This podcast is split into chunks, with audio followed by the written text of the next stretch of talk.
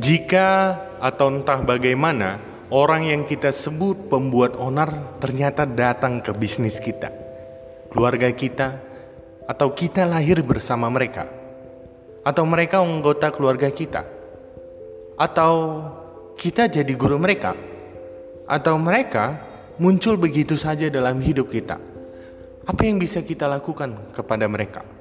Apa yang harus kita perbuat kepada orang-orang yang demikian ini? Bukankah ini adalah masalah yang setiap dari kita harus hadapi dari waktu ke waktu, berurusan dengan orang yang kita sebut sebagai pembuat onar?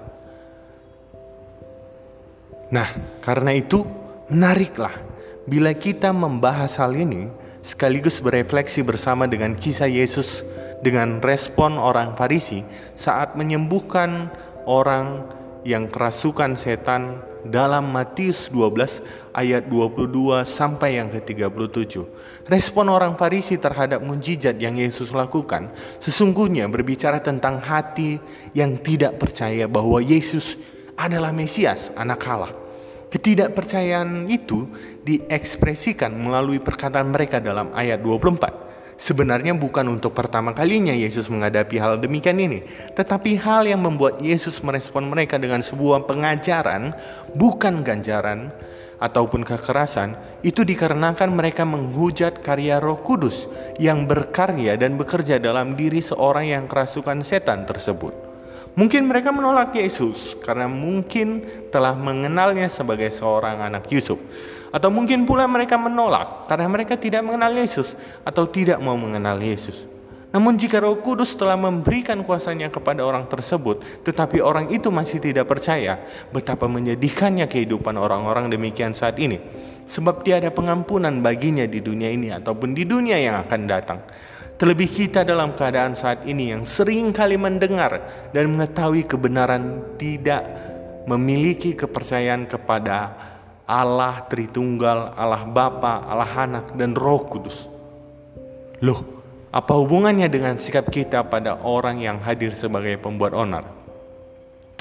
Sejatinya apa yang kita pikirkan, percayai, dan lakukan, itulah yang membentuk siapa kita. Kalau saudara menyebut diri sebagai seorang percaya akan Allah Bapa, Allah Anak, dan Roh Kudus, lalu memberitakan Injil ataupun dalam kasus ini memberikan nasihat kepada orang yang kita sebut sebagai pembuat onar dan terganggu dengan penerimaan ataupun penolakan dari orang tersebut, tampaknya ada yang salah dengan diri kita. Sebab bukankah penerimaan dan penolakan, baik atau buruk, akan selalu menjadi bagian dari perjalanan kehidupan kita?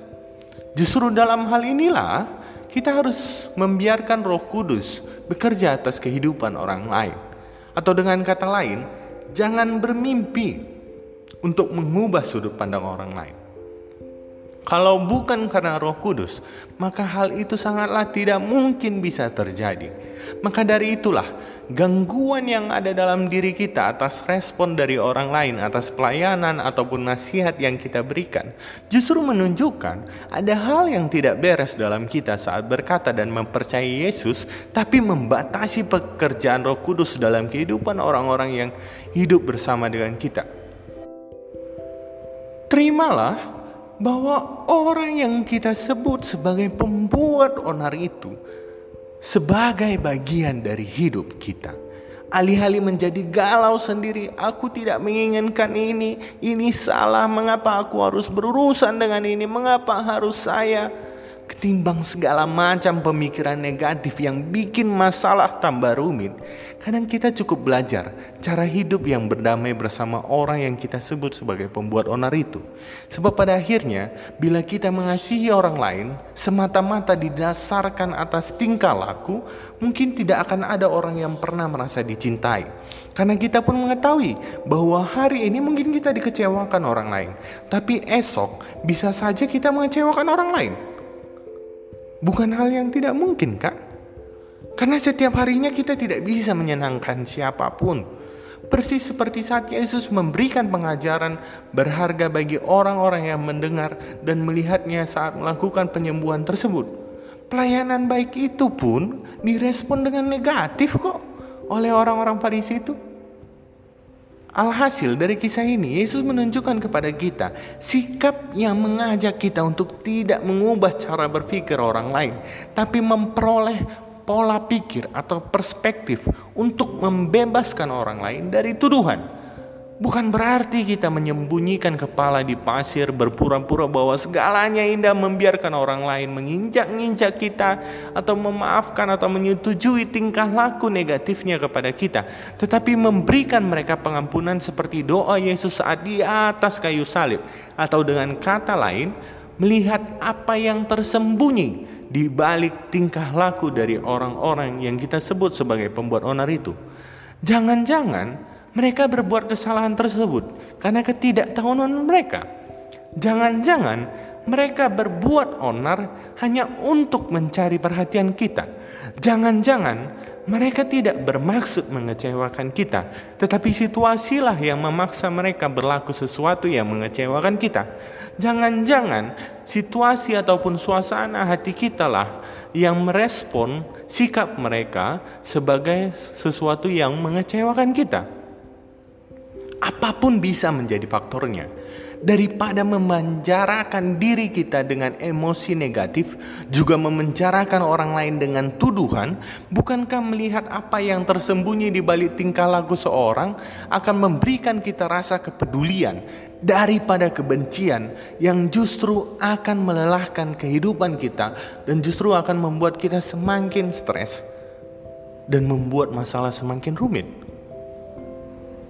Ya, kira-kira demikianlah sikap pengajaran dari Yesus kepada orang Farisi itu muncul didasarkan kepeduliannya kepada mereka, bukan didasarkan kebencian, sebab perasaan benci justru akan melahirkan sikap untuk memberikan ganjaran yang berarti kekerasan bagi orang-orang yang kita sebut sebagai pembuat onar itu. Persis seperti perlakuan Bapa kepada kita orang-orang percaya, demikian jugalah perlakuan kita seharusnya kepada orang-orang yang kita sebut sebagai pembuat onar. Ingat sekali lagi, bila kita mengasihi orang lain semata-mata didasarkan atas tingkah laku, mungkin tidak akan ada orang yang pernah bisa kita kasihi.